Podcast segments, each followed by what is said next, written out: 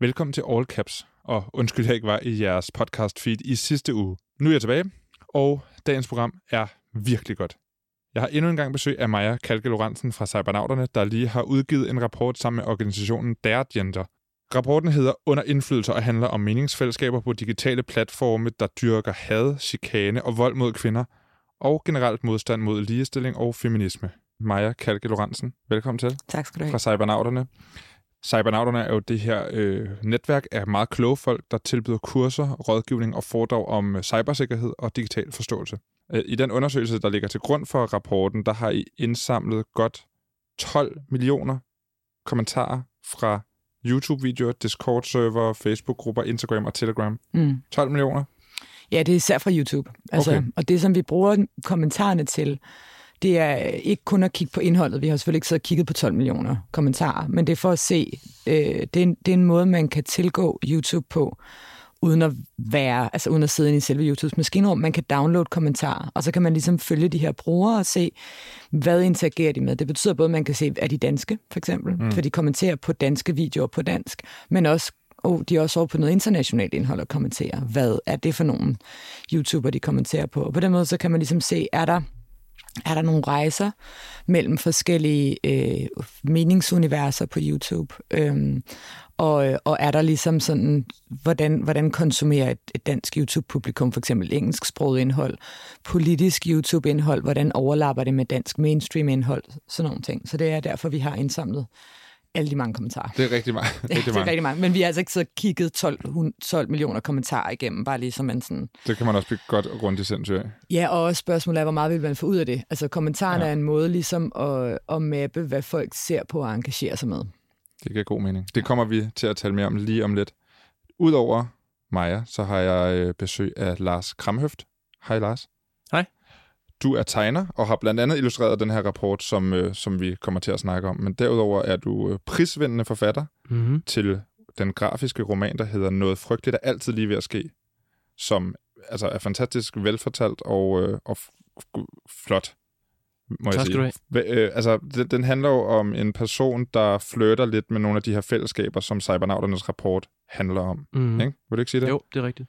Hvad, kan du med sådan helt kort her til start sige, øh, hvad handler øh, bogen om? Altså, bogen øh, tager jo udgangspunkt i nogle oplevelser og nogle situationer, jeg selv har været i, da jeg var i 20'erne. Men den handler jo også om nogle sådan generelle øh, udfordringer, man kan stå i som ung mand, som øh, afvisninger og Ja. for eksempel prøve at, prøve at klare sig i det her benhårde konkurrence samfund og, og miljø, der, der både er på uddannelse og arbejde, og også i øh, den her dating-verden. Kødmarkedet. Ja, Ja. ja. præcis. Det kommer vi også til at dykke øh, længere ned i, fordi øh, i sidste uge, så der udkom som sagt den her rapport, der hedder Under indflydelse, som er lavet af Cybernauterne og Dare Gender. Og i går, altså i onsdags, udkom der så en anden rapport, den her gang fra Center for Digital Pædagogik, og den hedder The Angry Internet, og omhandler faktisk mm, altså meget af, af det samme som, som Cybernauternes rapport. Så derfor kommer vi til at dykke ned i de her mandefællesskaber, der dyrker traditionelle kønsroller, modstand mod feminisme, og som har altså den her følelse af at være marginaliseret og undertrykte. Fordi hvad, altså, hvad kan den her følelse føre til i yderste konsekvens, og hvad gør det, øh, hvad skal vi gøre for at undgå, at flere havner i de her fællesskaber? Vi skal også se på, øh, hvordan tonen fra de mere ekstreme influencer og politiske YouTubere siver ud og prøver at hive folk ind fra kommentarspor, som vi talte om lige før, på de mere sådan mainstream-kanaler. Velkommen til All Caps, og øh, velkommen til jer. Tak. Mit Tak. navn det er Anton Gader Nielsen. Før vi dykker ned i de her mandefællesskaber og alt det, som der står i den her rapport, øh, så skal vi lige dykke ned i noget, der er lidt mindre kontroversielt, men alligevel øh, ret vigtigt sådan i All Caps-universet. Det handler om fænomenet stories, altså de her flygtige historier, man kan dele på sociale medier, som forsvinder efter 24 timer. Fordi Twitter har lige lanceret deres bud på stories på Twitter, som hedder Fleets. Maja, Mm. jeg ved, du er meget på Twitter. Jeg er rigtig meget på Twitter. Fleeter du også? Altså, jeg flittede en gang, og det var mere fordi, at øh, det tænkte jeg, nu er der den her nye funktion, det skulle jeg. Og modsat stort set alle andre fleets, jeg så den dag, så handlede min fleet ikke om, hvor nederen fleets var. det var der rigtig mange, der lavede flit som, Ja, må sådan, ja, okay, så lad være, eller sådan. Men det var en, en video af, af et interview med filosofen, der hedder Slavoj Žižek, og han har det her med, han har sådan noget meget karakteristisk med, han sådan sniffer, når han snakker. Og så var der nogen, der havde klippet et interview, hvor de havde klippet alt det, han sagde ud, så det kun bestod af snif. Så det er Slavoj Žižek, der sidder og siger... Så den delte jeg. Den var populær. Men Det jeg ved ikke, om jeg kommer til at lave fleets igen. Jamen, det lyder som det, Fleets er lavet til. Ja, det tænker jeg også. Sådan noget, Altså- Det er virkelig dumt, det her, men jeg tænker ikke, det skal stå i min timeline for evigt. Lige præcis. Ja. Jeg har, øh, I går der talte jeg om Fleets med Lars K. Jensen, som er som rådgiver i digitale medier og er indehaver af nyhedsbrevet Digital Urevy, øh, som giver sådan ugenligt et overblik over, øh, hvad der sker i Digi, Tech og Somi-land. Og, øh, og det lyder sådan her. Lars K. Jensen, kan du ikke prøve at fortælle øh, om udviklingen af stories som format? Altså, hvor starter vi? Hvor, hvordan har det udviklet sig? Selvfølgelig. Og det mest interessante sted at starte er faktisk paradoxalt nok øh, Instagram, fordi det er dem, der har haft størst succes med stories, men det var jo ikke dem, der opfandt formatet. Mm. Øhm, og, og det er egentlig værd at starte tilbage øh, ved Instagrams start, og så det er vigtigt at, at, huske på, at Instagram, i hvert fald de to stiftere, var meget drevet af at løse problemer. Så det oprindelige Instagram hed ikke Instagram, det hed Bourbon, og det kunne forskellige ting. Du kunne lægge billeder op, ja, øh, men du kunne også aftale med dine venner, hvor skulle I i byen, osv. Og så undervejs finder de ud af, at det ikke er nok at være et nice-to-produkt, du er nødt til at være et need-to, som man siger på dansk. Øh, og hvis du vil være et need-to-produkt, så er du nødt til at løse nogle problemer. Ja. Og det, som de fandt ud af, det var, at øh, smartphones i øh, 2010, de tog øh, forfærdelige billeder. Så de fandt ud af, at øh, det kunne man ligesom dække over, hvis man så lagde nogle filtre på, og så kunne man faktisk gøre dem, faktisk også gøre dem flottere, end de oprindeligt var, så man kunne rette mange af fejlene. Så det var derfor, Instagram fandt ud af, okay, det er fotografi, vi skal satse på, og det er de her, øh, at lægge de her filtre oveni, fordi det løser det problem, at folk tager masser af billeder med deres mobiltelefoner, som de gerne vil dele, men billederne ligner noget, der er løgn. Mm. Øhm, og så allerede der etablerer de jo så det, som bliver det store problem for Instagram, som er den her filtrerede virkelighed, at det er det forskyndede øh, billede af vores liv og af os selv, som vi lægger op. Og det bed dem så lidt øh, i haserne øh, nogle år senere, fordi de opdagede, at folk lige pludselig blev forsigtige med at lægge indhold op på Instagram. Altså, det, det, det, det bliver simpelthen øh, ubehageligt at lægge op, fordi at det skal se så perfekt ud. Præcis, så det bliver sådan en, en øh, det bliver nærmest angstprovokerende for nogen at skulle dele billeder og, øh, på, på, på Instagram, fordi tænk nu, hvis det ikke er godt nok, fordi mm. Instagram det er sådan det bedste af det bedste, og alle ser jo mega interessante ud på, på Instagram, så tænk nu, hvis ens eget øh, indhold på, på, øh, på Instagram ikke er godt nok, mm. men at det så også, fordi ens liv ikke er interessant nok osv. Så det, som Instagram-stifterne de opdager, det er, at øh, Instagram er ekstremt afhængig øh, af deres samarbejde med kendte mennesker. Rigtig, rigtig kendte mennesker.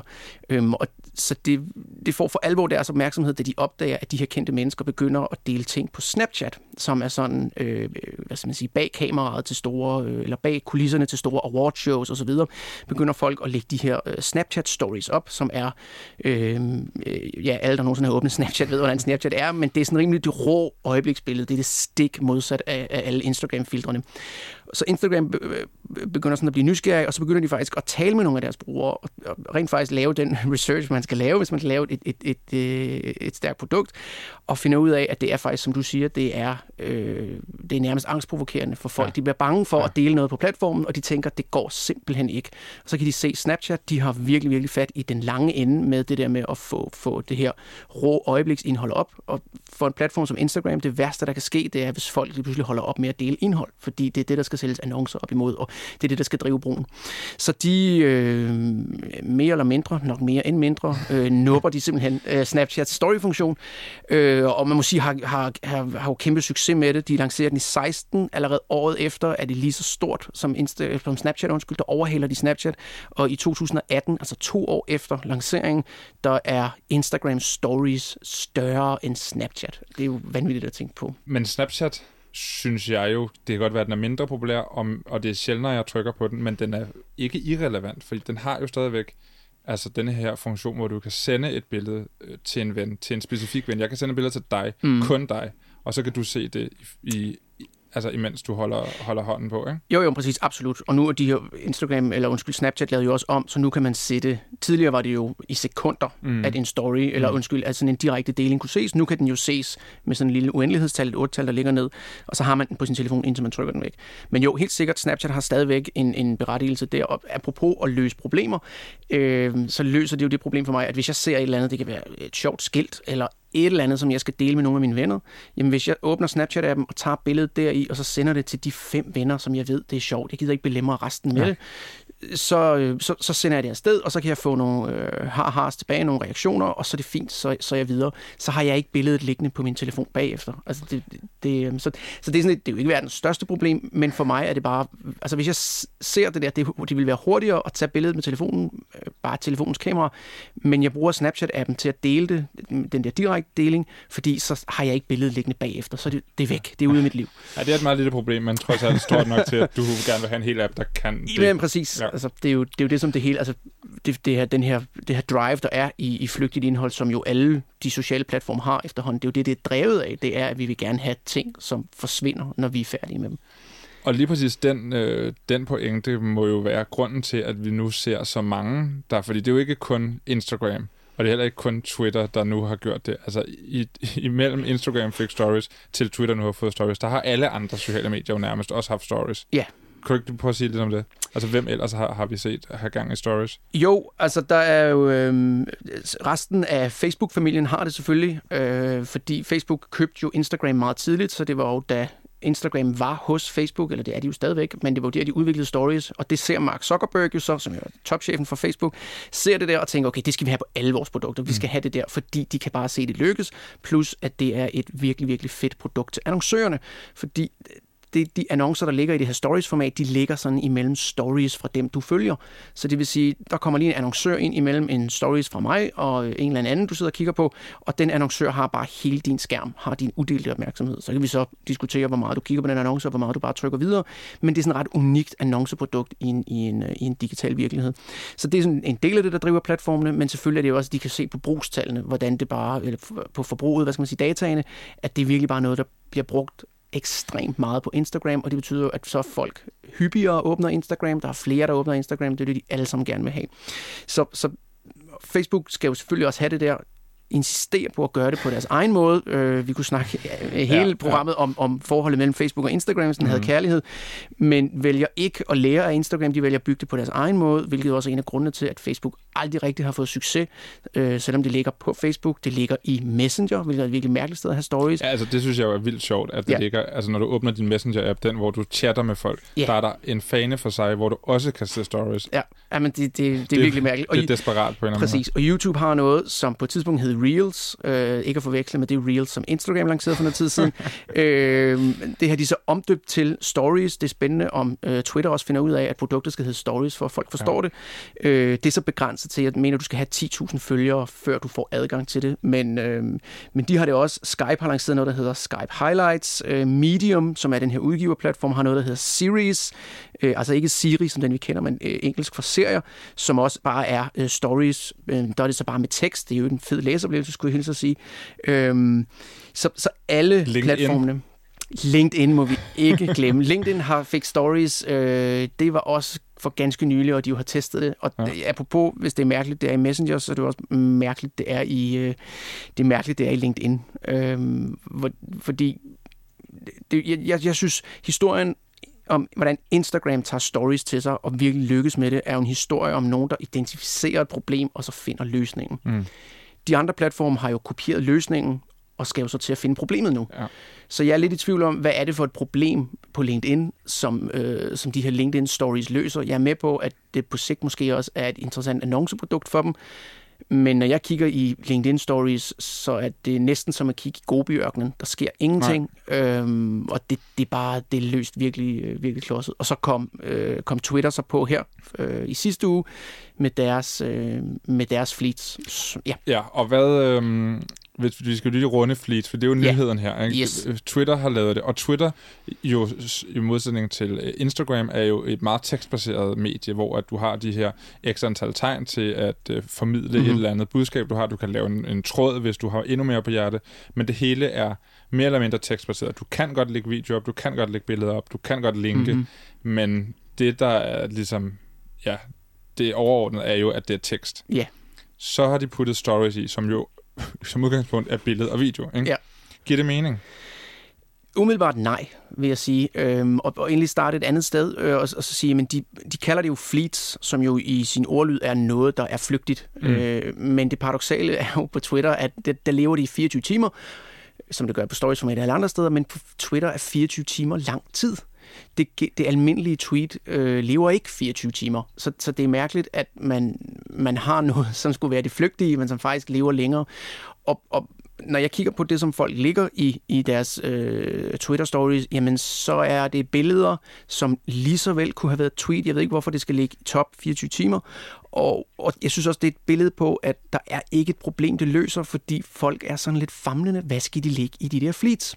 Så det, som folk gør, det er, så deler de så tager de et tweet, som de måske ikke helt tilfreds med, hvor mange reactions og hvor meget reach det fik, altså rækkevidde, og, og så kører de det ligesom et fleet. Så, ah, så lever tweetet lige, så får de lige en ekstra runde, så kan det være, at jeg får de likes, de kommentarer, jeg gerne vil have. Øhm, og øh, ekstra mærkeligt bliver det så ved, at du kan tage dit, du kan tage dit, dit fleet, og så kan du sige, nu når der er gået 23 timer og 30 minutter, så kan du dele dit fleet som et tweet. Altså, så, altså ja, der er det et tweet, der bliver til et fleet, som bliver til et tweet igen? Ja, så man kan sige sådan, tweet it, fleet that tweet, og tweet that fleet. Altså, tror du bare, de har lavet det for at kunne lave det der ordspil der? Jeg ved det ikke. Skal jeg sælge det til dem? Ja, det, det, det, det. men men det, altså det, jeg synes også, når man kigger på brugen af det, og det gælder også på LinkedIn og også på Facebook, at folk er, brugerne er jo famlende over for, hvad er det, jeg skal ligge her? Hvad mm. er det, det her format kan? Og så er der hele denne her uh, snak om, hvad det kommer til at gøre ved resten af feedet. Fordi mm-hmm. på, når, hvis vi vender tilbage til Instagram, som jo ja. ultimativt er dem, der har mest succes med det, og som bliver brugt rigtig meget, så øh, hænger de jo som små øh, cirkler op i toppen af skærmen, når du åbner mm-hmm. øh, Instagram. Og så swi- swiper du øh, horisontalt yeah. på dem, hvorimod feedet er øh, vertikalt yes. og, og, og nedad. Ikke? Og jeg oplever tit det, og det ved jeg, at der er andre, der gør, det er, at man bliver hængende op i stories. Mm. Altså man trykker den ene story i gang, og så swiper man bare ind, til man ligesom har nået alle de stories, der var. Mm. Og så er man færdig på Instagram, så går man ud igen. Præcis. Der er studier, der viser, at øh, det, der sker, det er, at øh, mange Instagram-brugere i hvert fald, primært bruger stories til at holde sig opdateret på dem, de følger. Så det vil sige venner, men også kendte og brands og sådan noget. Hvad sker der hos dem lige nu og her, de sidste, det sidste døgn? Ikke? Og så ned i feedet, det er der, man er sådan mere, bliver mere eksplorativ, mere nysgerrig på ny inspiration osv. Hvilket, når man tænker over det, hænger fuldstændig logisk sammen med, at feedet er øh, det der, hvor det, det er de lækre billeder, det er dem, der har arbejdet for, det er det filtreret, og stories jo bare er opdateringerne. Måske har du lagt et eller andet sjovt filter på, på, på dit ansigt, øh, men that's it. Så det, det er jo fuldstændig i tråd med, øh, hvordan det er lavet. hænger fuldstændig sammen med, hvordan det så også bliver, bliver brugt, at det ligesom, du har to feeds, kan man sige, mm. på, på, på Instagram. Og det er jo så interessant at se, om, om vi kommer til at se lignende ting på, på LinkedIn og på Twitter, og der er jeg bare skeptisk, fordi der er ikke Øh, jeg, jeg kan ikke lige umiddelbart se, hvordan øh, brugeroplevelsen på øh, det her tilfælde LinkedIn og, og Twitter skulle, skulle knække over på samme måde, fordi Twitter som udgangspunkt bare er det er bare ekstremt flygtigt. Altså, det, det, øh... Og der er mange, der synes, jeg, jeg har lagt mærke til, bruger uh, stories på Instagram på den måde, at de laver i virkeligheden det, man på LinkedIn vil kalde en tråd. Altså, yeah. at de bruger flere slides på den her story til at komme med et andet budskab. Det kan være noget om kønspolitik eller øh, andre sådan øh, hotte emner. Yeah. Og så øh, kommer de med pointer på skrift på skærmen øh, løbende over øh, 10 slides. Ikke? Yep det problem ser jeg jo ikke, øh, altså det kan jeg godt se, det er svært at gøre et feed på Instagram, fordi mm. der har du jo bare et billede, og gør godt med nogle gange flere, ja. men det er ikke sådan, mediet bliver brugt. Men Nej. det er jo netop sådan, Twitter bliver brugt i forvejen. Ja, præcis. Ja, og, og det, er jo, det er jo det, der er, der, der, der er det paradoxale ved det, og vender tilbage til det her med, jamen, den her nye funktion, løser den et problem? Adresserer mm. den et eller andet? Twitter har jo selv været ude at sige, faktisk øh, i tråd med, med, med, med Instagram, at det her, det skal gøre det lettere at dele indhold på Twitter. Twitter har jo kæmpe problemer med øh, kulturen og måden, folk taler til hinanden. Der er så meget harassment og hate speech. Øhm, så, så det her er også en, en, en del af det, Jack Dorsey, som chef for Twitter, har været ude at sige, jamen, det skal give sundere samtaler. En del af det, det er for eksempel, hvis jeg lægger et flit op, du ser det, og du har lyst til at skrive et eller andet, så ryger det kun til mig. Så det er ikke alle, der bliver ikke lige pludselig lavet en tråd, hvor folk kan hænge mig ud. Men men det har Twitter forsøgt at løse med et andet tiltag, de lige har lanceret, som er, at jeg kan faktisk lave tweets gode gammeldags tweets, skal vi jo næsten til at kalde dem, hvor jeg kan vælge, hvem der kan svare.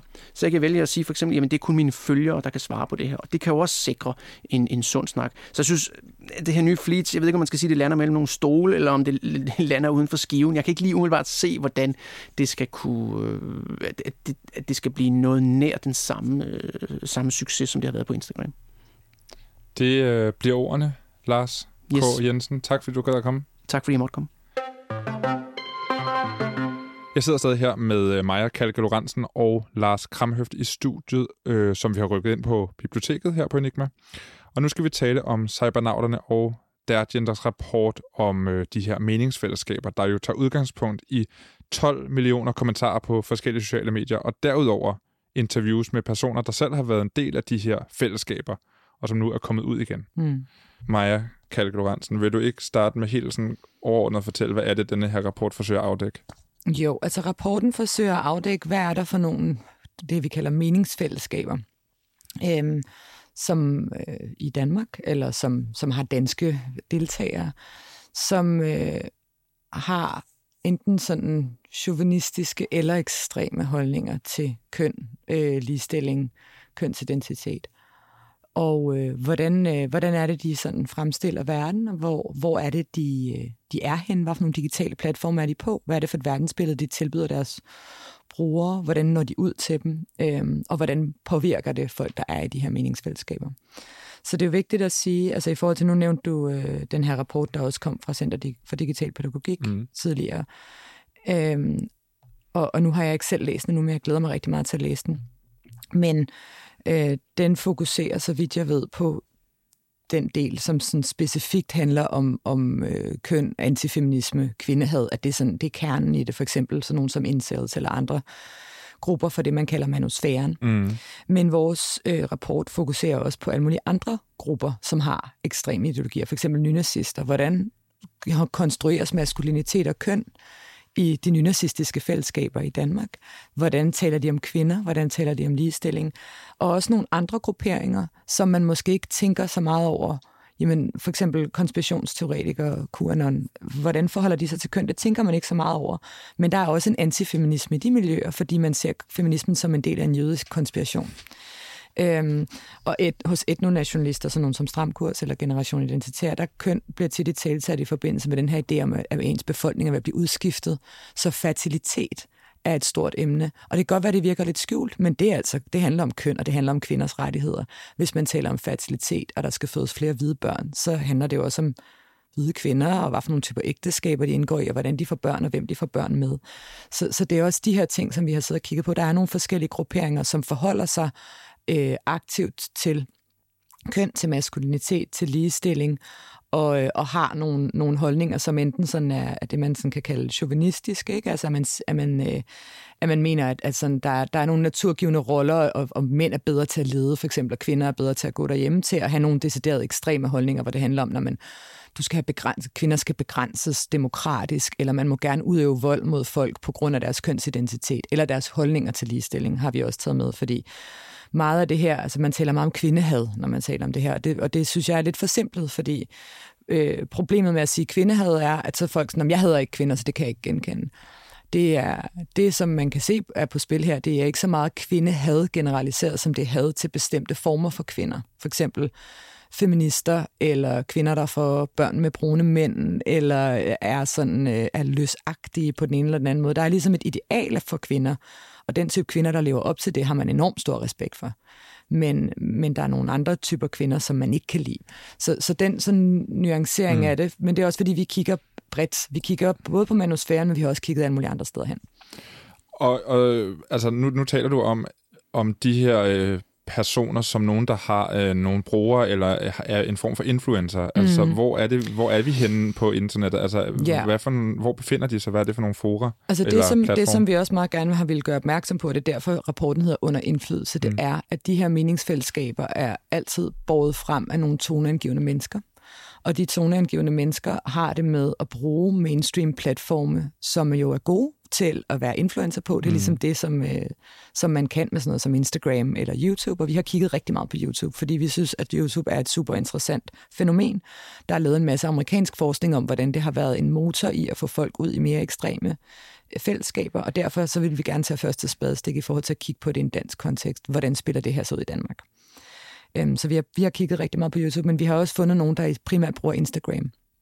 Det, det, det, det, det er interessant, når vi snakker om det her, og jeg, jeg føler lidt, at den, den diskussion, der er om sådan nogle her emner, tit også når vi snakker om højere radikale mm. og, og ekstremister generelt, at, at når vi taler om, at de bruger nettet, så, så har vi sådan en fælles idé om, at de sidder i nogle afkroge af internettet, yeah. og det er svært at finde, og du skal være yeah. tech-savvy, og du skal næsten kunne kode, og det er underlige det dark image. web sidder de på. Lige ja. præcis, ikke? Men det er jo ikke helt rigtigt. Nej, det er overhovedet ikke rigtigt. Det er faktisk overhovedet ikke rigtigt, nej. Det er overhovedet ikke rigtigt. Altså, det er virkelig øh, den, den undersøgelse, der kom frem i 2019, øh, som handler om det, man kalder The Alternative Influence mm. Network, af hende Rebecca Lewis. Jeg vil anbefale at kigge på den. Hun, hun kigger på, hvordan YouTube er blevet brugt til at bære nogle holdninger, som før ville synes politisk meget sådan fringe, altså i udkanten af, hvad vi synes er normalt eller decideret ekstreme, hvordan, hvordan de bruger platformen både til at referere og feature hinanden, men også fordi, at der sidder folk og ser alt muligt andet på YouTube. Og hvis du først kan komme ind i deres feed, så er det en super stærk platform, så er de rigtig gode til at lave indhold, der passer til det her med, at man laver react-videoer, altså man reagerer på current events, man inviterer hinanden ind i studiet, øh, man forholder sig til sådan samfundsemner og popkultur, og, og bruger de samme formater som, som store influencer, som øh, i mainstream gamer, øh, hvad hedder det, underholdningsinfluencer, bruger. Man laver noget i formaterne, der minder om det, og dermed så kan man ligesom få mest ideologi ind i noget, som virker som underholdning. Mm. Og det er jo også det, som en af interviewpersonerne fortæller, det der med, jeg tænkte ikke over det som politisk, jeg synes bare, det var fedt, de var savage, altså Jordan Peterson, der var savage over for feminister, sådan, åh, oh, eye roll, de er så pisseirriterende. Det var han god til, grineren. Jeg kigger på dem, som han har på besøg i sit program. Okay, så kommer han mere og mere til højre. Øh, og til sidst så sidder han og ser Gavin McInnes, som, som er ham, der startede Proud Boys, som er den her nyfascistiske bevægelse, men uden at vide, hvem han er rigtigt. Han synes bare, han er grineren. Og det er jo en vildt god pointe i forhold til øh, lige præcis det citat fra rapporten, at jamen, det er jo bare en YouTuber, mm. altså i hans verden. Ikke? Ja. Og, og hvis man ikke går ud bagefter, eller imens man ikke man siger, undersøger, hvem det er, man sidder og kigger på, og det er jo det, han det... siger, ham øh, interviewpersonen her. Han vidste ikke, hvem han var. Han havde ikke undersøgt det, og Nej. hvis han havde gjort det, ja. så havde han måske haft et andet billede af det. Det er præcis, og man kan nemlig nemt altså ryge ind i de her, øh, hvad hedder det, de her huller, hvor det ligesom er sådan, at man, det, det, det rammer mig, det du siger, det giver mening. Jeg ved ikke rigtig, hvem du er. Jeg har ikke hele billedet med, øh, og jeg tænker måske ikke over, at, at sådan, der, der er en masse ideologi proppet ned i det. Det virker bare, du ved, han er en relatable guy, det er sjovt. Han gør også lidt grin med nogen, som jeg også synes er lidt latterlige. Ikke? Så det her med, at, at, sådan, at det her kun foregår på, på internettets afkrog, mm. øh, det vil sige, vi, vi skyder os selv i foden, hvis vi tror det. Det foregår også på 4chan. Øhm, det foregår også, øh, hvad hedder det, på alle mulige obskure fora, især hvis man er blevet smidt af. Men det, som vi for eksempel kan se, en gruppe som Nordfront, som er de nynazister, vi har kigget på i den her, de, de er ikke på YouTube. Altså, de er blevet smidt af for længst. De har ikke en kanal. Øh, de har en, en Discord-server, man kan komme ind i, men de er stadigvæk i kommentarsporet som enkeltbrugere. Hey, se lige her et link til Nordfront. Mm. Øh, så, så det her med, det her med at, at, at de kun er ude på altså sidegaderne, og der, og der kan man, så skal man ligesom ud og finde dem. Det er altså ikke rigtigt. For det meste så har de det, som, som almindelige influencer, altså øh, hvis jeg nu var beauty- eller gaming-influencer, så vil jeg også have en multiplatformstrategi. Ikke? Jeg har min YouTube-kanal, jeg har måske to-tre, jeg har en Discord-server, folk skal betale for at komme ind og snakke med mig på. Jeg har en, øh, hvad hedder det, jeg har et Instagram, hvor jeg poster, øh, hvad hedder det, stories og ting fra mit liv. Jeg har en Facebook, så boomerne kan nå mig, øh, hvad hedder det. Og så, øh, nej, men sådan, jeg har en Twitter, jeg har en multiplatformstrategi. Og grunden til, at, at de her typer influencer, som, som ligesom har noget mere sådan øh, ekstremt indhold, de har det, det er både fordi, at, at øh, det er godt at få folk over på andre platforme, hvis man for eksempel gerne vil tjene penge. Mm. Men også fordi, at de hele tiden ligger på vippen af at blive fjernet rigtig mange af dem, som, som Rebecca Lewis, som jeg talte om, har mappet i 2019, øh, blandt andet ham, der hedder Stefan Molyneux, som snakker om sådan, øh, altså, øh, raceteori og øh, stærkt antisemitisk. Altså han startede ligesom med at være sådan klassisk manusfære, filosof, sådan her skal du gøre for at få succesfulde forhold med kvinder, ud, ud fra sådan nogle lidt sådan chauvinistiske holdninger, og så er han blevet sådan meget øh, white supremacist, så, så han, er, han er råd af YouTube. Øh, men øh, hvad hedder det? Det betyder jo, at så har han mistet adgang til sit mainstream-publikum. Han er nu på det, der hedder BitTube, som er sådan et fuldstændig ureguleret øh, YouTube. Ja. Men der er bare ikke det samme publikum. Ja. Hans videoer har 6-7.000 views nu, hvor de havde 100.000 vis af views. Fordi muligheden for at være på YouTube er jo, at man kan lokke folk ind i, i, i ens øh, verden og ens kanal og få Ja, påvirket man- på den måde. Ikke? Man kan, være, man, kan være, man kan have et masse publikum. Og, og der er ja. så ligesom, vi snakker lidt om, at der er lidt to forskellige hovedgrupperinger Ja. af, af influencers. Altså der, er- der er dem, som gør det, fordi for eksempel sådan nogen som, som Nordfront, ikke? vi vil gerne have, vi vil rekruttere. Vi skal have flere folk i den nationalsocialistiske bevægelse i Norden. Øhm, og så er der dem, som er måske mere i den kategori, vi kalder en grifter, og jeg har ikke et godt dansk ord for det. En grifter er en, der, øh, der ligesom for egen vindings skyld deltager i, i debatter, laver indhold, har holdninger, men det handler lige så meget om, at de selv får noget af det. At de tjener penge på det, at de får en book deal. Altså, så man påtager sig også, man er hele tiden ude at lede efter noget at forholde sig til, fordi det her, det er, er den måde, man tjener penge på. Det er ens levebrød. Ja. Øh, og, og, og grifterne har interesse i en multiplatformstrategi, også fordi det er der, de kan tjene penge. Så har man en, en subscribe star, eller man har en hjemmeside. Øh, for eksempel ham YouTuberen, der hedder The Golden One, som er sådan en fitness- og højre radikal YouTuber. Øh, han har også en Instagram, og så har han en hjemmeside, hvor han øh, sælger kosttilskud og træningstøj. Øh, med, med sådan Thors Hammer-logoer på, og sådan, your ancestors are watching, han har meget det, han er, han er nyheden, ikke? Han, han har meget det her med vikingerne og sådan noget. Men hans Instagram bliver også brugt til hele tiden at plukke øh, hans tøjmærke, Ja. ja. hans, øh, hvad hedder det, øh, kosttilskud. Hans kone har sådan en nutrition Instagram, øh, kalder de det, mad, ikke? Altså, hvor det er sådan, jamen, så kan man også ligesom få hjælp til hende med at lægge en diæt og sådan noget. Så der er ligesom en hel pakke af en måde, du kan tjene penge på, at pushe det her ideologi. Jeg er ikke i tvivl om, at han også mener det, han siger, men det er altså også det, han lever af. Ja, så det er måske en, lidt nemmere at mene det, hvis der er nogle penge i det. Ja, og på den måde, så, så minder de måske mere om, om andre typer influencers. De sælger bare ideologi, de Ja, sælger politik. Det er lidt skræmmende. Ja, lidt. Ja. Også fordi man tænker sådan, hvad er det så for nogle overvejelser, der går ind i at lave det her indhold? Hvorfor laver man, altså hvorfor laver man bestemte typer indhold? Og, og man kan sige, når de indgår i, i, øhm, i det her økosystem, som der er på YouTube, hvor man hele tiden skal lave reactions. Mm. Altså, øh, for eksempel så kan vi se, at dengang Stram Kurs var store på YouTube, de, var smidt af tilbage i, øh, i slutningen af 2019. Men vi har indsamlet data fra deres kanaler og kommentarer og sådan noget. Men vi kan se, at, at Stram Kurs og Paludan er også et populært emne blandt mainstream danske YouTubere. Ikke fordi de er enige med ham, men fordi man skal reacte på ham. Han er et meme nu, så derfor så laver jeg lige noget indhold på ham og sidder og griner. Men så kan man altså se, at det er det, at han bliver featured, selvom han bliver gjort til grin. Det gør han bekendt. Mm. At han bliver et endnu større meme, og folk ligesom undersøger ham. Ikke? Så der er det her økosystem, hvor man hele tiden forholder sig til hinanden. Og det er jo derfor, Fordi man skal konstant lave indhold til sine followers, hvis man vil blive ved med at tjene penge. Og det er derfor, jeg synes, det er vigtigt med sådan en rapport her, fordi det fokuserer på, altså der, der var så mange, der blev overrasket over, at Rasmus Paludan var en ting, da, mm. han, Mhm. blev, øh, da han blev sådan mainstream kendt, men han havde jo altså han havde været en ting kendt, længe. han var en ting længe, han har været YouTube-stjerne i Alle altså, i børnene vildt vidste, hvem han var. Ja. Altså, der var en, der fortalte, øh, vi, vi, laver, vi kommer selv ud med en, med en podcast her, om, om, hvor vi dykker meget mere ned i det her YouTube-research. Men, men der er også en af dem, der er med, der fortæller om, første gang hun hørte om ham, det var, da hun var ude undervise i en folkeskoleklasse. Mm. Hun viste en billede af en gris, og så var de sådan, nej, det er Paludan. Mm. Og hun var sådan, hvem? Altså, hun har aldrig hørt Nej. om ham. Det var før, at han begyndte at blive Ja. ja. kendt. Ikke? Men det viser bare, hvor effektiv en strategi Ja. ja. det er. Og det betyder jo ikke, at alle dem, der har set Paludans videoer, er enige med ham eller øh, synes, at, at hans holdninger er fede, men, men det har da virkelig båret ham frem, det der med, at han er blevet et kæmpe meme. Han, er, han har været god til at, at bruge den platform. Ikke? Da I skulle have lavet den her rapport, så skulle den illustreres. Mm. Og så øh, kiggede I til øh, Lars Kr- Kramhøft her, som jo har udgivet en, øh, en bog, som vi kommer til at tale om nu, men, men lige før, som, sådan, ligesom sådan en overgang til det, hvorfor skulle, hvorfor skulle den illustreres på den her måde? Den er jo illustreret som, altså med sådan nogle øh, lidt grafisk, øh, lidt tegneserieagtige billeder, ja. som ligner ret meget øh, romanen her. Hvorfor tog I fat i Lars? Jeg tror for mig var det rigtig vigtigt, at den her rapport blev levendegjort. At man illustrerede nogle af de ting, vi har fundet ud af på en måde, som umiddelbart taler til folk. Og der kan tegneserier bare virkelig noget. Jeg er selv kæmpe stor tegneseriefan, og det er også derfor, jeg har været virkelig glad for at få lov til at arbejde sammen med Lars. De kan, de kan fortælle noget, som du kan skrive tre sider om, og stadigvæk ikke formidle ordentligt.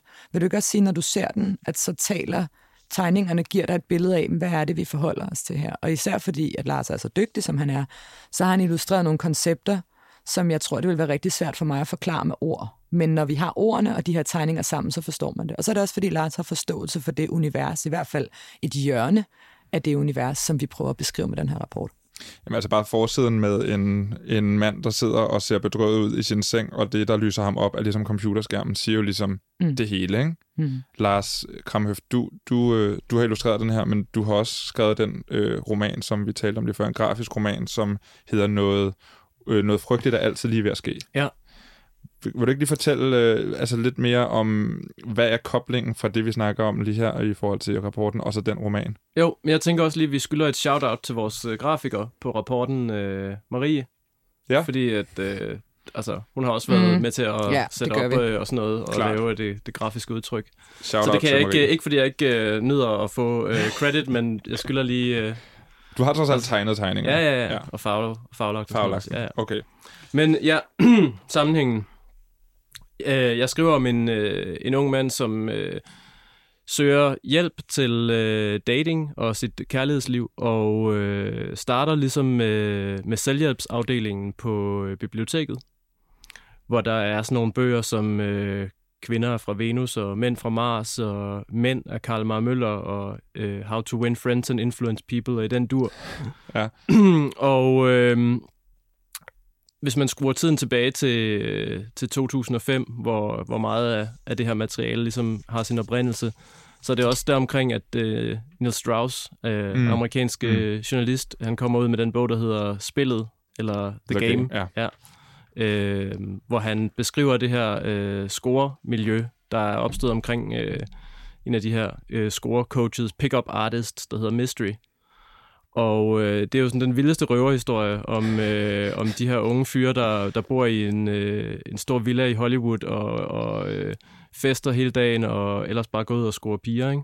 Og øh, altså, det er jo ikke noget nyt, at man øh, som ung mand er, er rimelig interesseret i, hvordan, øh, hvordan får man fat i piger, og hvordan får man en kæreste. Altså, og øh, hovedpersonen her, han bliver selvfølgelig interesseret i, hvordan, hvordan gør man det her, og, øh, og, og den måde, det ligesom blev, hvad skal man sige, rammesat på, det var, at, at det var sådan en, ligesom en måde at hacke øh, de sociale relationer på, eller, eller interaktioner. Men i virkeligheden så er det jo sådan nogle ret øh, reaktionære øh, adfærdsmønstre og, og måder at opføre sig på, de egentlig prædiker. Ja, fordi hvad er det for en fortælling, en, en, en historie eller en bog, som øh, The Game præsenterer? Jamen, det er sådan nogle ret øh, egentlig traditionelle kønsroller, hvor, hvor manden skal være den aggressive, og den, der tager initiativ, og kvinden skal være øh, egentlig bare lækker. Og kvinden, Ja. ja. kvinder skal egentlig bare se godt ud, Ja. øh, og, øh, og så skal mændene ligesom stå for at, at, at tage styringen og køre øh, alle de her forskellige øh, teknikker og ting for at komme i seng med kvinden i sidste Ja. ende. Hovedpersonen øh, er sådan en, en, en almindelig ung mand, som du beskriver, som Mm. er, er, altså jo bevares lidt dårligt til at score, måske ikke har det bedste take om kvinder, øh, føler sig ekstremt udulig på sin, øh, på sin, på sin uddannelse. Altså, det er, jo, det er jo også en reaktion på øh, et samfund og et øh, uddannelsessystem, hvor der er et enormt øh, fokus på at præstere og konkurrere, og hvor alt ligesom bliver til... Øh, altså, man har ikke venner, man har netværk, og, og altså, det, det hele bliver ligesom markedsgjort, ikke? Og her på hans skole er der ekstremt stor konkurrence Ja. også, ikke? Jo. Og, og så, så googler han, hvorfor kan kvinder ikke lide mig? Eller Hvorfor kan jeg ikke få en kæreste, tror jeg, det er. Ja. ja. han googler, hvorfor vil kvinder ikke have mig? Faktisk står der. Okay. I, i. Dammit! Og jeg har lige læst den jo, ikke? ja, fair nok. øhm, nå, men det, jeg synes bare, at den, den formulering på en eller anden måde siger meget godt, øh, hvad det hele handler om. Ja. Fordi det handler ikke om, hvorfor kan jeg ikke score, eller hvorfor kan, hvorfor kan jeg ikke gøre mig øh, interessant. Det handler om, hvorfor vil kvinder ikke have mig? Ja. Ikke? Og det er jo på en eller anden måde, det det hele handler om. Det er, at der er, der er noget galt med kvinderne.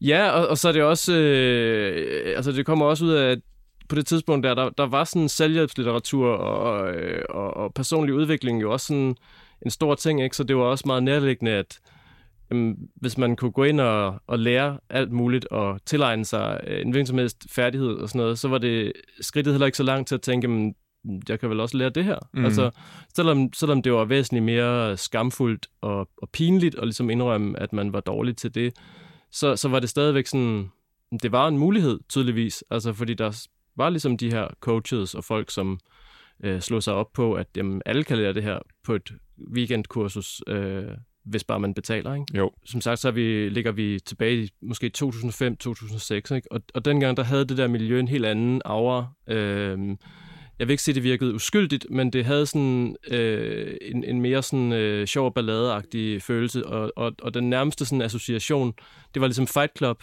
at, øh, at det var sådan lidt sådan lidt det her spændende cool med, at man måske mødtes ned i en kælder nogle fyre, og sådan, altså, og, og, og så var det jo også sådan lidt en reaktion på, at jeg selv som ung mand, og mange øh, unge mænd, jeg kendte, øh, som ikke kunne finde ud af det med pigerne, følte jo nok lidt, at vi var blevet øh, snydt, eller var blevet løjet til øh, øh, på en eller anden måde, fordi vi, øh, tror jeg alle sammen følte, at vi var egentlig nogle søde, flinke fyre, og alligevel så ville pigerne ikke have os.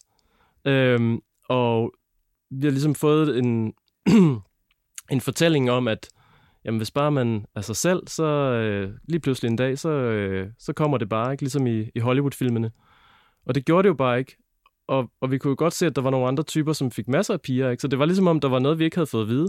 Ja. Og der var også, altså, der var jo ikke nogen, altså, for mit vedkommende, jeg voksede op stort set uden en far, og mange andre er vokset op med fraværende fædre, eller måske skilsmisse, whatever, ikke? Men altså, der var ikke nogen fædre at spørge. Seksualundervisning, det var måske øh, en time, der handlede om, hvordan man undgik at blive gravid og få kønssygdomme, ikke?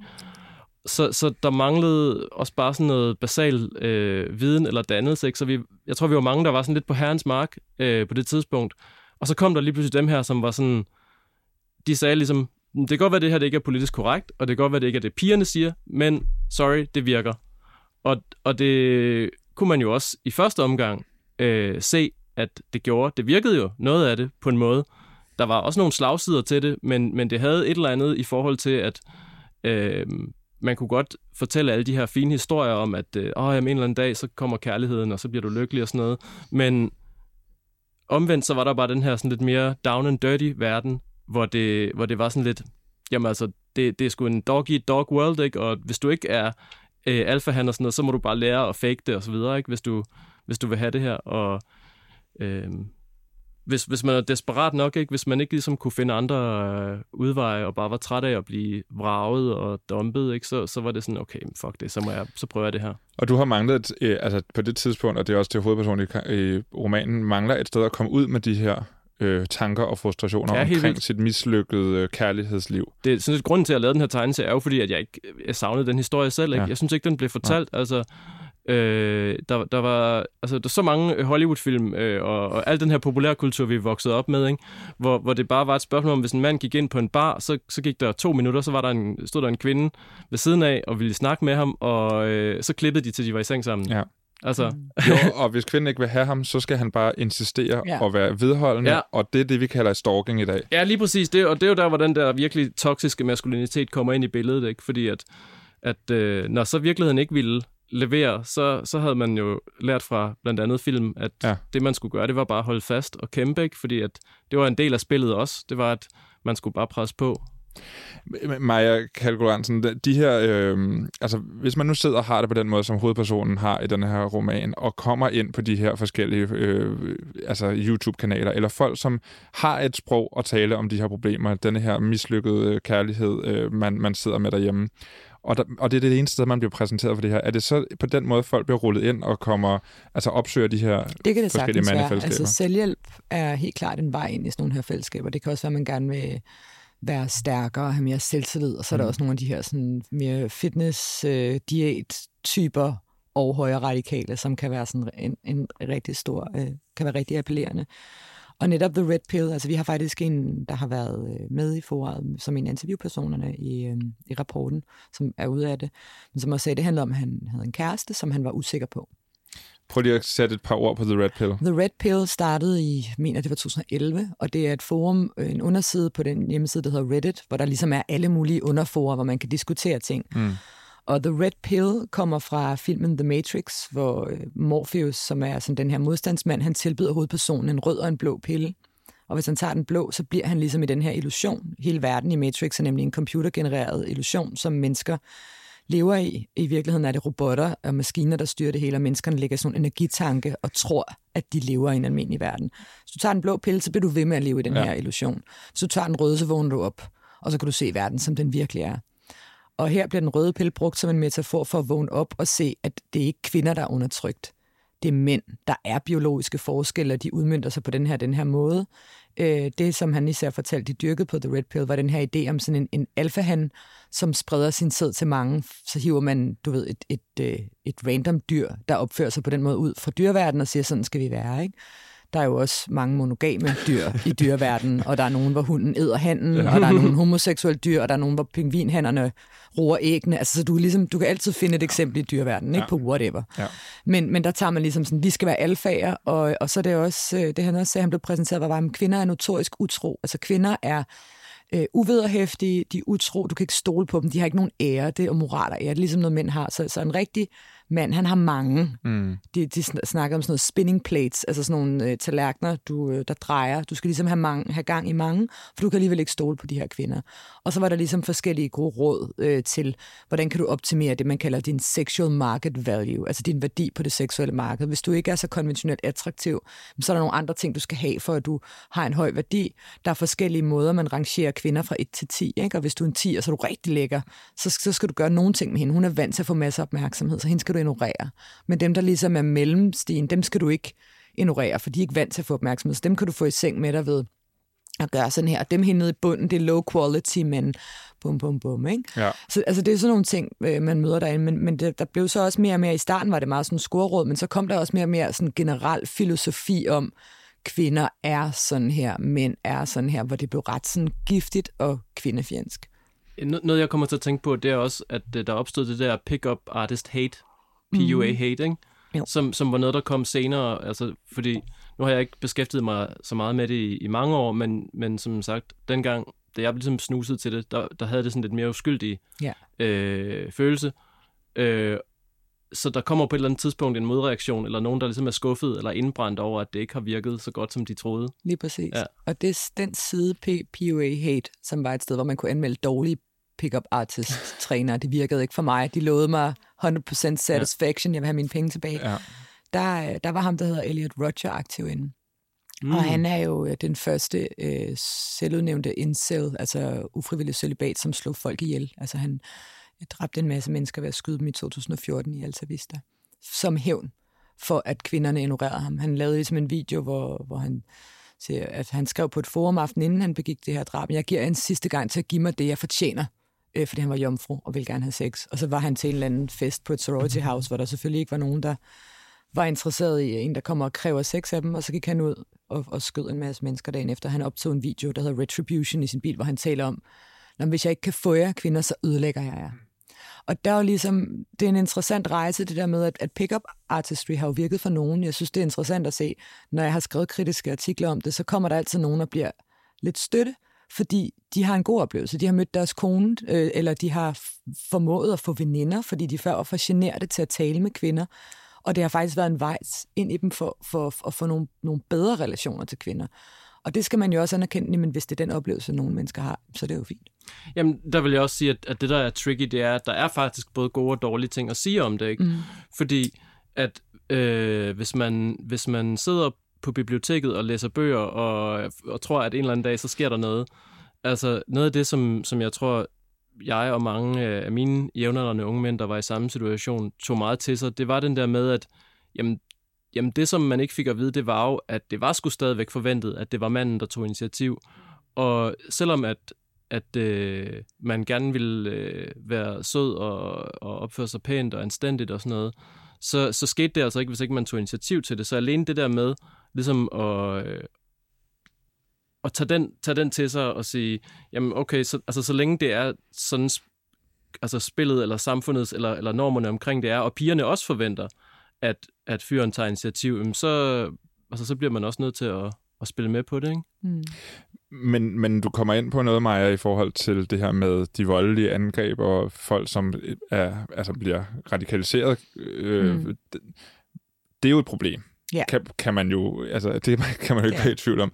Men hvorfor er det ellers et problem? Altså, fordi det, det tænker jeg er en, en meget, meget lille del. Selvfølgelig er det ikke at underkende det, fordi det er et problem. Ja, men det er jo ikke, det er jo ikke sådan, så altså alle de meningsfællesskaber, vi kigger på i rapporten, der er alle dem, der er inde og snuse til det, eller enige med noget af det, eller konsumerer det, så er de bare klar til at gå ud og begå voldsangreb i morgen. Overhovedet ikke. Jeg tror for mig handler det mere om, der er både et, et trivselsperspektiv i det. Ikke? Hvordan trives man, når man kommer ind og, øh, og både bliver en del af nogle fællesskaber, hvor der er et meget firkantet verdensbillede, hvor, øh, hvor der er nogle meget firkantede forklaringsmodeller om, hvordan skal du være en rigtig mand, hvordan skal kvinder være, og ofte også i de meningsfællesskaber, vi kigger på, er der jo også had til andre grupper. Øh, ja. Ikke i manusfæren som sådan, den handler kun om køn, men sådan øh, den jødiske sammensværgelse, eller islamofobi, eller sådan, altså, så, så det er ligesom, der er, en, der, er en, øh, der er sådan en hadkultur i nogle af dem, ikke? Som jeg tror er rigtig, den er rigtig usund, både for individet, men den er også usund over for dem, det går ud over. Altså, øh, den, den er, den, det, er da, det er da ikke rart at have store meningsfællesskaber i et demokratisk land, som mener, at kvinder ikke skal have stemmeret, for eksempel. Nej. Det, det, det tror jeg er, bekym, det er bekymrende. Ikke? Klart. Øhm, så, så det er også det, sådan, hvad er det for nogle holdninger? Hvad, hvad betyder det i forhold til, hvordan man agerer, hvordan man respekterer folk, der hører til de her grupper, som man sidder og hedder på, eller mener er, er, er fjender, eller skal have deres rettigheder begrænset? Øh, og, og betyder det noget for ens adfærd over for dem væk fra skærmen? Ikke? Givetvis. Lars, har du noget at tilføje der? altså jeg tænker, et af de helt store problemer ved alt sådan noget selvhjælps, øh, selvrealisering og alt sådan noget, det er altså at give folk nogle unaturligt store øh, løfter, eller love folk, altså at, at, øh, at du kan få guld og grønne skove, hvis bare du øh, laver et øh, vision board, eller tænker på den rigtige måde, og alt det her pis, ikke? Altså, øh, øh, vi, vi, kan ikke, øh, vi kan ikke alle sammen blive rockstjerner, altså, og vi kan ikke alle sammen være øh, Johnny Depp, vel? Øh, så, så det er også sådan med, at hvis du, sætter, hvis du lover alle øh, det her, bare fordi så kan du sælge dem en eller anden bog eller et kursus, så gøder man også jorden for en kæmpe skuffelse et eller andet sted, ikke? Rapporten her er lavet øh, for at gøre opmærksom på problemet for øh, fagpersonale. Øh, jeg kunne godt tænke mig, at vi lige, t- lige sluttede af med at tale om, hvad gør vi ved det? Altså, hvordan, øh, hvordan undgår vi, at øh, andre havner her? Og, altså, fordi det, jeg hører dig meget snakke om, Lars, det er øh, behovet for at få lov til at tale om altså, den sårbare mand. Altså, Mm. mm. Det er jo lidt kliché, men alligevel er det jo stadigvæk det, der er problemet. Altså, hvis du havde haft nogle andre at gå til, kunne det være, at du ikke var endt Altså- i det her miljø. Altså nu vil jeg lige indskyde, at jeg endte ikke i det miljø. Nej. men, øh, men jeg vil sige bare sådan en ting, som hvis der var mulighed for gratis psykolog til alle unge. Ja. Altså, det ville jo betyde rigtig meget. Rigtig meget. Og så vil jeg sige, at vi skriver jo den her rapport øh, særlig rettet mod fagpersonale, fordi at der er et kæmpestort gab mellem de voksne og de unge. Fordi at voksne mennesker, nu er jeg selv et voksent menneske, jeg er ikke vokset op med internettet for Mm. eksempel, øh, jeg er født i 80'erne, de tit ikke aner, hvad unge mennesker har for nogle digitale universer, hvad de støder på. Og det her med, at, at de her ting, de findes altså på de mainstream platforme, hvor de sidder og ser, øh, hvor de sidder og ser YouTube-memes. Og derfor at de voksne for det første er nødt til at forholde sig til, hey, de her fænomener findes. De findes på mainstream-platformen, man kan rende ind i det. Hvordan skaber man øh, en, dia- en god dialog med de unge, man har at gøre med, omkring hvad de ser på nettet, hvordan de husker at holde deres kritiske sans med sig, hvordan de afkoder budskaber, som måske umiddelbart bare virker super sjove og underholdende, men som der ligger alt muligt andet nedenunder, øh, som, som de her influencer sådan ligesom prøver at pushe til dem, og få en, få en bevidsthed om, altså, jamen, det er en influencer, det er en, der gerne vil påvirke dig på til den ene eller den anden ting. Det kan både være købe deres ting, se nogle flere af deres videoer, men det kan altså også være til at blive enig med dig i, øh, i din ideologi. Hvad er det for en ideologi? Hvordan har du en kritisk sans over for det her? Og så også det her med at have nogle opmærksomhedspunkter på, jamen, hvornår, øh, hvornår er noget sådan, hvornår er noget bekymrende? Altså, og så forstå, at, at køn og maskulinitet især skal være et opmærksomhedspunkt for unge mænd. Det er noget, der kan skabe, øh, hvad hedder det, både sådan rigtig store frustrationer. Det kan være svært at have et samtalerum om. Altså, hvis, hvis det eneste sted, du kan få god råd til, hvordan er man en, en mand, hvordan er du en rigtig mand, det er hos nogen, der, jamen, så det er ved at være, øh, hvad hedder det, øh, et, et, et lettere misogynt røvhul mm. med kæmpe store muskler. Mm. Hvis der ikke er nogen andre, der tør have den snak og sige, jo, vi kan godt snakke om en rigtig mand. Altså, vi kan godt snakke om maskulinitet Ja, som noget rigtigt. positivt. Fordi, altså, hvis, hvis, det, hvis det eneste, hvis den anden pol er sådan, nah, køn findes ikke alligevel. Og sådan, altså, Ja. Det er bare ikke særlig hjælpsomt, for Nej. det gør det. åbenlyst for unge mennesker, sådan, jeg er en dreng, og jeg er ved at blive en mand, og jeg har brug for at vide, hvordan jeg lærer at snakke med mm. kvinder. Det skulle da fair nok, ja. og ville lære at snakke med kvinder. Hallo?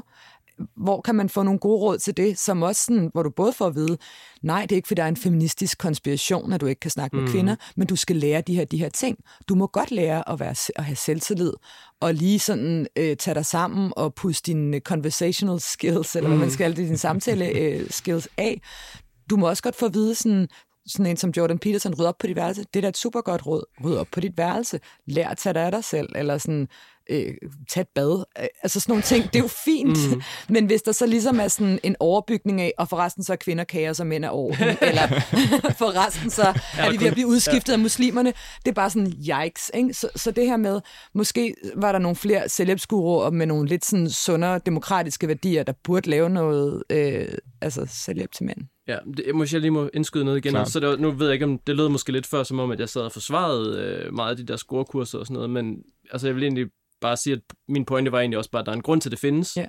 Øh, og så, øh, at der er også et, øh, et men ved det der med, at, at man oplever, at, at det virker ikke, fordi man kan sige, det er jo meget af det er baseret på at udnytte folks usikkerhed mm. og manipulere i større eller mindre grad, på mere eller mindre latterlig vis. Noget af det er virkelig sådan åndssvage NLP-teknikker og sådan noget, men, men man kan sige, det er klart, hvis man manipulerer med folk, så kan man få noget ud af dem. Det, det, det er ikke så mystisk, men det gør det ikke rigtigt, og det gør det ikke øh, til et sundt udgangspunkt for at bygge en relation på. Det synes jeg er en god måde at, at slutte af på, fordi, også fordi vi ikke har mere tid, men det synes jeg bare er en vild god pointe, Lars. Vi er ikke lige inden i går lige øh, kommer nogle anbefalinger i det sidste indslag, der hedder Content her i All Caps, hvor vi prøver at give lytteren et eller andet... Øh, et eller andet fed, en eller anden fed oplevelse. Altså, det er jo shameless ananas i egen juice, men jeg synes, man skal tjekke rapporten ud, hvis man synes, Klar. det lyder spændende. Den ligger på underindflydelse.dk. Man kan også følge cybernauterne på Instagram.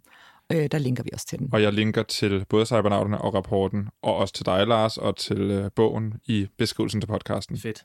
Ja. Har I noget, I vil anbefale ud over jeres egen ananas? Den øh, podcast, der hedder Rabbit Hole, beskæftiger sig også med de her emner, ja. og den er fed og super spændende. Det er så godt nok et amerikansk udgangspunkt, men som vi også viser i rapporten, bare fordi det ikke er på dansk, så kan det altså godt have danske følgere, de her øh, indholdsskaber.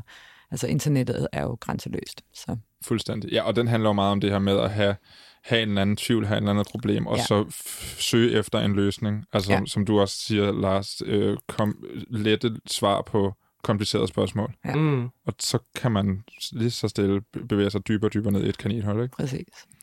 Hvad vil du anbefale os? Øh, altså på dansk, så vil jeg anbefale en, en, en podcast, der hedder Vi snakker om det, ja. som er øh, tre unge fyre, der øh, snakker om alle de her ting med at være mand, og øh, alle de problemer, der kan følge med det. Og øh, det er virkelig sådan, når jeg hører det, så sidder jeg bare og tænker, det, det er fuldstændig mine tanker fra den ene til den, til den anden. Ikke?